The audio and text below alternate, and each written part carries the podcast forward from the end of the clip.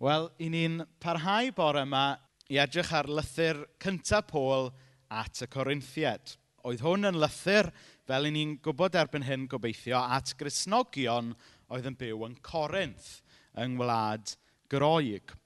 Um, mi oedden nhw'n grisnogion newydd, oedd hi'n eglwys newydd, oedden nhw ddim wedi bod yn adnabod nac addoli as i grist ar sbel. Ac felly, mae rhywun yn deall pan bod nhw rough around the edges – rhywfaint.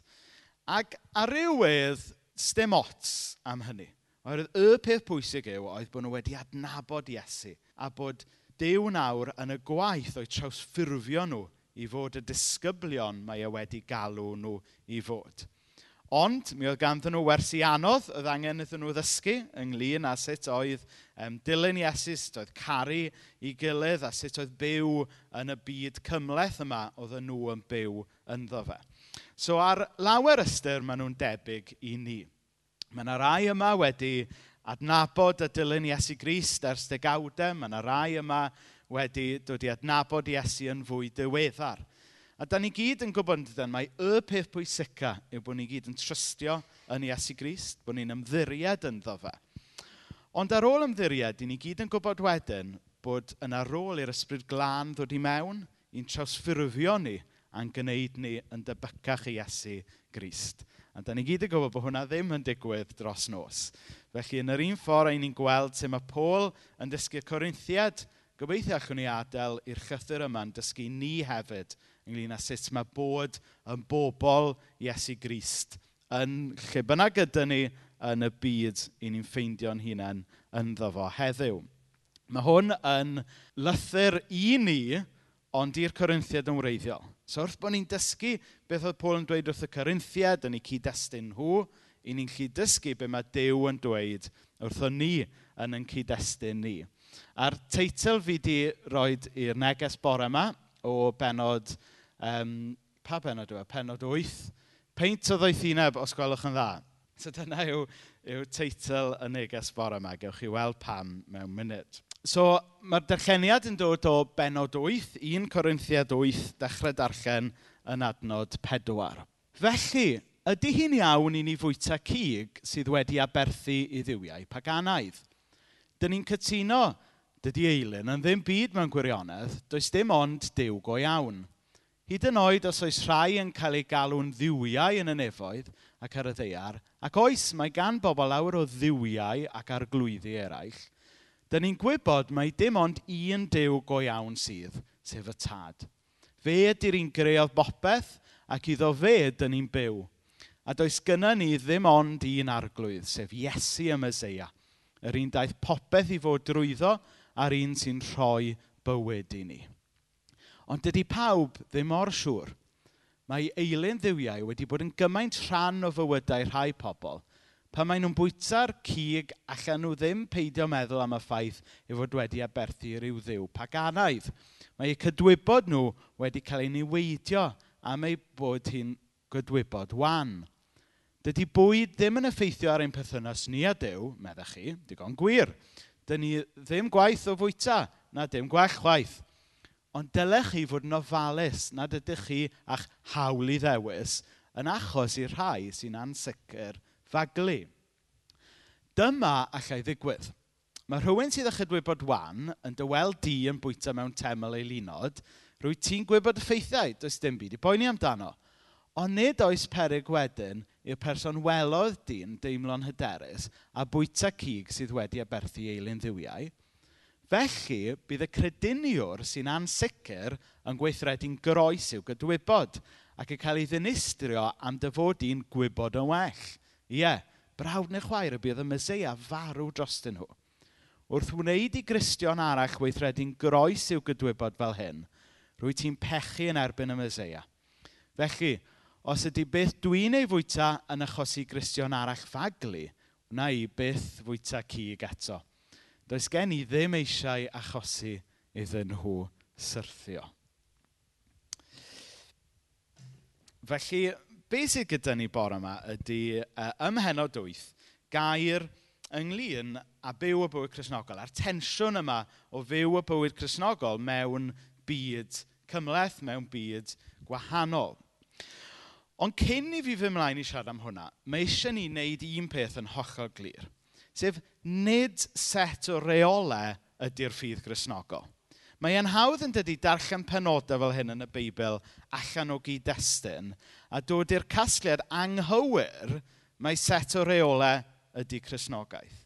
Nid set o reolau ydy Cresnogaeth. Achos un o'r pethau mwyaf anhygoel ynglyn â'r newyddion da Cresnogol yw dyw e ddim yn dibynnu ar be da ni yn ei wneud, ond mae e'n dibynnu ar be mae Iesu yn barod wedi gwneud drosta ni.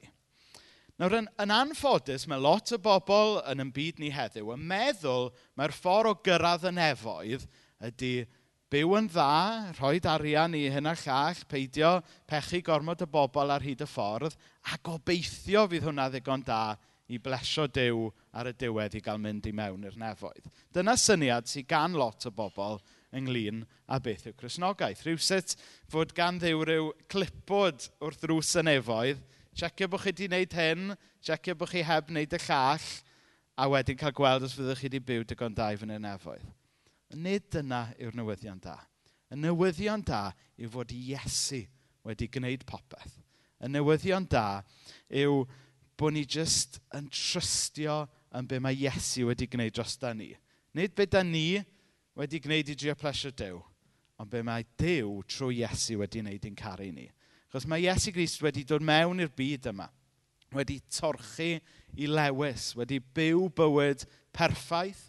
Mae e wedi marw ar y groes i wneud yn iawn am pob peth anghywir, pob peth drwg i ni wedi gwneud. A mae e wedi atgyfodi i roi bywyd newydd i ni. A mae hwnna'n golygu pan ddown ni wyneb yn wyneb a dew yn rhagwyddoldeb. Os fydd yna glipod yna o gwbl, Be fydd ar y clipod yna fydd gorffenwyd. Sef be mae Iesu Grist wedi gwneud dros da ni. A, a dyma yw hanfod yn ffydd mi. D dyma yw gras. Chybod dyddiau e yma, i ni yn y busnes o brynu anrhegion i'n gilydd, rhoi cardiau nadolig i'n gilydd. A dwi'n yn gwybod sut mae arna chi, ond dwi'n cofio oedd gyda ni un, oedd dy fi un ffrind yn yr ysgol. Ac oedd e oedd e'n ofn pechu pobl. Oedd e, os oedd o'n cael cerdyn doleg, oedd e eisiau gwneud yn siŵr bod o'n rhoi cerdyn yn ôl i'r person yna. Hyd yn oed, os nag oedd oedd o, di meddwl rhoi cerdyn y person yna allan o gariad, chybod. Oedd e jyst rhyw fath o contract, chybod. Fydda, o ie, na i roi rhywbeth i ti os ti'n rhoi rhywbeth i fi. Ond nid fel na mae gras yn digwydd. Mae Dyw yn rhoi gariad i ni yn llwyr, yn ddiamod, no strings attached. Mae o'n rhoi do heb ddisgwyl dim byd yn ôl. Dyma yw gras. A, a mae hwn yn un ffordd o, o grynhoi gras. Does dim byd allwn ni wneud i ddiw yn caru ni fwy, ond dim byd allwn ni wneud i ddiw yn caru ni llai. Dyma yw cariad Dyw. Dyma yw gras Dyw. A dyma i ni yn trystio ynddo fe. Ac oedd yn bwysig i ni jyst wneud y pwynt yma ar y dechrau, cyn bod ni'n mynd mlaen nawr i siarad ynglyn â sut mae byw fel Cresnogion. Rhaid gofyn i ni slipio i feddwl mai ystyr bod yn Gristion ydy cadw rheolau. Ystyr bod yn Gristion ydy trystio'n Iesu a wedyn gadlydd o fe newid ni. Gadlydd o fe newid yn ffordd ni.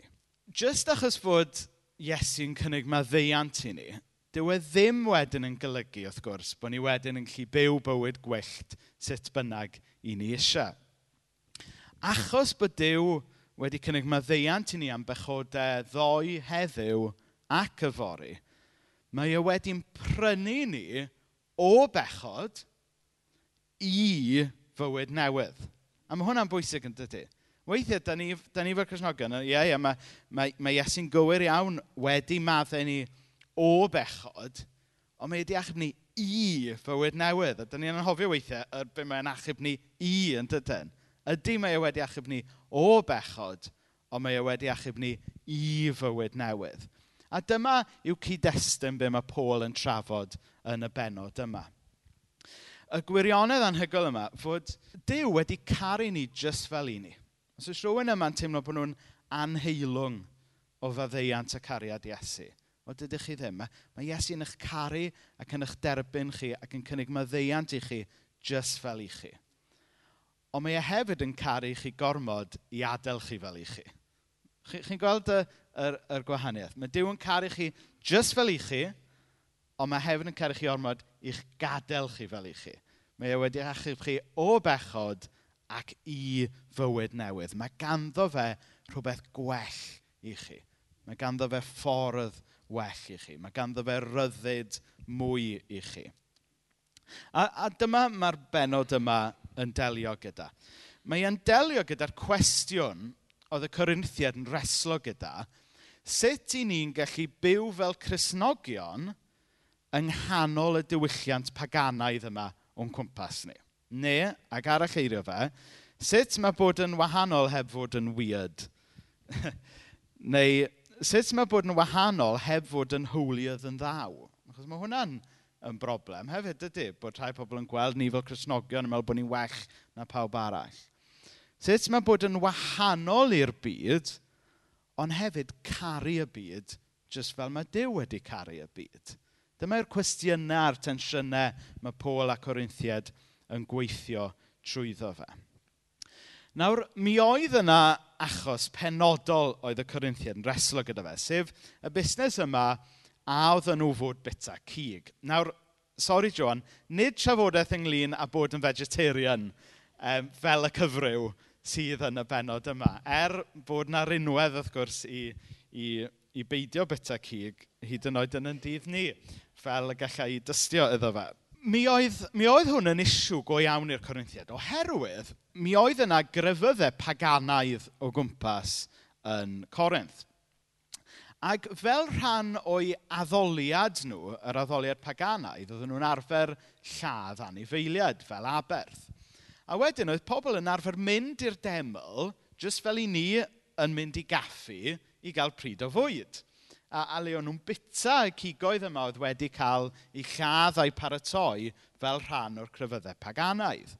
Wedyn mae'n debyg mi oedd yna leftovers, oedd wedyn yn mynd allan i farchnadoedd y ddinas, ac oedd marchnadoedd y ddinas yn llawn o'r, or cig yma oedd wedi cael ei paratoi fel rhan o'r grefydd paganaidd. Felly, y cwestiwn oedd gan y Cresnogion yn Corinth yw, wel, ydyn ni dal fod bita'r cig yma? Achos mae e wedi cael ei ladd a'i baratoi fel rhan o'r crefydd arall, o'r grefydd paganaidd yma.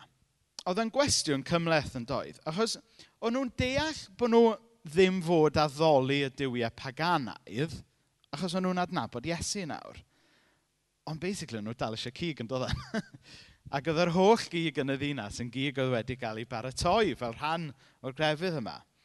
Hynny yw, sut o'n nhw mynd i allu bita cig heb gyfaddawdu gyda'r crefyddau eraill yma oedd o'i cwmpas nhw. Nawr, mae'n cyd-destun ni chydig bach yn wahanol yn dydy. Beth yw'r eilinod, idols, sydd o'n cwmpas ni heddiw, sydd yn, sydd yn achosi ni offod gofyn y cwestiynau yma? Wel, yn yw, does dim crefyddau mawr paganaidd fel y cyfryw o'n cwmpas ni heddiw yng Nghaernarfon. Ond eto, mae yna eilunod yn does. Mae yna idols o'n cwmpas ni. A siwr o fod, yn arbennig adeg yn ydolig nawr, mae y, yr eilun, yr idol mwyaf, ydy materoliaeth a, a pres yn dyfa. Gwerth y bint a'r cwestiynau yma pan i ni'n meddwl am yr aberthau oedd pobl yn gwneud yn y temle paganaidd yma, mi'n siŵr bod yna sawl ffermwr coffi yn Africa a sawl ffermwr llaeth yng Nghymru wedi cael ei aberthu ar achor materoliaeth yn does. Chi'n chi eich beth sy'n gyda fi? Beth yw'r eilinod, beth yw'r idols yma i ni mewn tensiwn gyda nhw yn, yn byd ni heddiw? Mae'n cael ei amlygu mewn gwahanol ffordd, ond yr un peth yw e, yw sut i ni yn gallu bod yn oleuni, sut i ni yn gallu bod yn bobl Iesu Grist heb gyfaddawdu gyda'r eilunod a'r idols o'n cwmpas ni heddiw. Mae ail hanner y benod yn bwysig iawn. Achos oedd Paul yn dweud, oedd e'n gallu, oedd e'n gallu bita'r cig ac y dwybod clir. Oherwydd, doedd e ddim yn involved yn yr addoliad y dywiau paganaidd. Chi'n deall beth sy'n gyda fi? Yn, yn yr ystyr, pan oedd e'n bita cig, just cig oedd e. Oedd e'n golygu dim byd iddo fe bod y cig wedi cael ei baratoi fel rhan o addoliad paganaidd. So, iddo fe ei hun oedd e'n iawn. Ond, mae Paul yn mynd mlaen i ddweud rhywbeth pwysig iawn fan hyn. Sef fel Cresnogion, i ni ddim fod jyst meddwl ynglyn â fi, fi beth sy'n iawn i fi, ydy hwn yn iawn i fi, ond i ni fod meddwl beth sy'n dda i ni fel teulu. A i ni fod meddwl ac edrych allan am yn gilydd. Oherwydd, y peth pwysig, fel o'n i'n sôn ar y dechrau, yw bod pob un ohono ni fel unigolion yn trystio yn enw Iesu Grist. Mae'n bwysig bod pob un ohono ni'n gallu dweud mai Dyw yw yn tad ni. Ond falle, bod ni'n gallu mynd gormod ffordd arall a bod ni gyd ar rhyw fi a Iesu, Iesu a fi. Math o, to, bod ni just, o, dwi a, dwi a Iesu'n iawn, sy'n ot am bobl eraill. To, da ni'n ni deall yn gilydd. Ond beth da ni'n gweld yn y Beibl ydy nid fi a Iesu, Iesu a fi, ond fi a Iesu a teulu Iesu. Hynny yw, mae Dyw yn achub ni fel unigolion i mewn i deulu, i ni fyw y bywyd Cresnogol efo'n gilydd, i ni warchod yn gilydd, i ni edrych allan dros yn gilydd. A dyna di byrdwn be mae Paul yn dweud yn y benod yma. Mae'n dweud, ie, yeah, fi'n iawn, fi'n lli byta'r cig yma. Ond mae rôl gyda fi warchod Cresnogion lle mae byta'r cig yma falle yn isw iddyn nhw. Oherwydd bod nhw ar rhyw bwynt wedi bod yn rhan o'r cryfyddau paganaidd yma. Dwi'n mynd i ddarllen yr adnodau yma eto. Dydy bwyd ddim yn effeithio ar ein perthynas ni. A dew, meddech chi, digon gwir. Dyn ni ddim gwaith o fwyta, na dim gwell chwaith. Ond dylech chi fod yn ofalus nad ydych chi a'ch hawl i ddewis yn achosi i'r rhai sy'n ansicr faglu. Dyma allai ddigwydd. Mae rhywun sydd a chydwybod wan yn dyweld i yn bwyta mewn teml ei lunod. Rwy ti'n gwybod y ffeithiau, does dim byd i boeni amdano. Ond onid oes perygl wedyn i'r person welodd di deimlo'n hyderus a bwyta cig sydd wedi aberthu eilyn ddiwiau. Felly, bydd y crediniwr sy'n ansicr yn gweithredu'n groes i'w gydwybod ac yn cael ei ddinistrio am dyfodi'n gwybod yn well. Ie, brawd neu chwaer y bydd y Meseia farw drostyn nhw. Wrth wneud i Gristion arall weithredu'n groes i'w gydwybod fel hyn, rwy ti'n pechu yn erbyn y Meseia. Felly, os ydy beth dwi'n ei fwyta'n achosi Gristion ar faglu, wna i byth fwyta cig eto. Does gen i ddim eisiau achosi iddyn nhw syrthio. So dwi'n meddwl, be mae Paul yn gwneud fan hyn, yn anuniongyrchol, ydy dinistrio un o eilunod yn hoes ni, sef uniogolyddiaeth a hunanoldeb, yn dyfa. Chos agwedd rhai o Corinthiad, yn amlwg oedd, wel mae hwn yn ffain i fi, stwffio pawb arall, that's their problem. Ond mae, a mae Paul, drychwch, yn, yn neud hwyl ar ben y pobl sy'n dweud bod hawl i ddewis yn bwysig. Mae'n neud hwyl ar ben y pobl sy'n gwybod yn well. Mae wedi rhoi e mewn inverted commas yn tydi. A chi'n gallu dychmygu'r tôn pan oedd e'n dweud, chi sy'n gwybod yn well. Neu, tyfod, chi sydd eisiau'ch hawl i ddewis. Hynny yw, be mae e'n dweud yw, mae angen i chi feddwl fel teulu nawr. Felly bod chi'n oce okay efo hwnna, ond ydy o'n helpu y person drws nesaf i chi. Felly bod chi'n gallu byw yn y ffordd yna heb bod yn dod rhwngtho chi a'ch dew. Ond sut mae hwnna'n helpu falle ffrind i chi sy'n newydd ddod i gredu am y tro cyntaf? Be mae hwn yn golygu'n ymarferol i ni? Wel, mae yna rai o pobl wedi um, yr gymhariaeth amlwg a hawdd yn ein diwylliad ni heddiw, mae'n siŵr, ydy alcohol, ynddo fe? ei hun, dydy yfed alcohol ddim yn anghywir. Ynddo ei hun, dydy mynd i dafarn ddim yn anghywir. A fel rhywun o dras Ffrengig, um, da chi'n gwybod mod i ddim yn llwyr ymwrthodwr fy hun. Ond, os wyt ti, a dwi ddim yn siarad gyda neb yn benodol, os wyt ti yn gallu yfed yn gymhedrol, ond bod ti falle yng nghwmni Cristion sy falle ddim mor siŵr lle mae'r linell, yna beth am fynd am goffi yn lle mynd am beint. Tyfa, just dyna yw'r application ymarferol, yn dyfa. O roed e mewn cyd-destun arall. Un o eilunod mawr heddiw ydy um, chwaraeon, yn dyfa. A lot o chwaraeon um, ar y sil, ar enghraifft, tyfa, dwi ddim mynd i siarad yn erbyn hwnna, peidiwch poeni. Ond mae'n hawdd gadael i bethau fynd yn ei eilyn, yn dydy. A chybod, falle bod chi yn meddwl, wel, tybod, dwi yn rhoi y sylw cyntaf i, i ddew, a'r sylw cyntaf i fywyd yr eglwys, a wedyn a'i fwynhau rhywfaint y chwaraeon, a mae hwnna'n ffain. Ond falle bod hwnna'n golygu bod yna Gristion arall yn meddwl, wel, mae bla, bla, to, falle bod capel ddim mor bwysig a hwnna'n diweddau, weld, weld Man United yn lle. Mae hwnna'n enghraifft diog iawn. Ond chi'n deall y, y, y pwynt dwi'n trio wneud, ynddo fe? Felly bod chi yn gallu cael y balans yn iawn, ond i ni edrych allan am bobl sy'n stryglo i gael y balans weithiau. Nawr dwi am orffen drwy um, ddweud hyn. Nawr wrth, wrth drafod pethau fel hyn, a yw'r Cristion fod yfed, a yw'r Cristion fod mynd i weld man yw ar ddydd syl.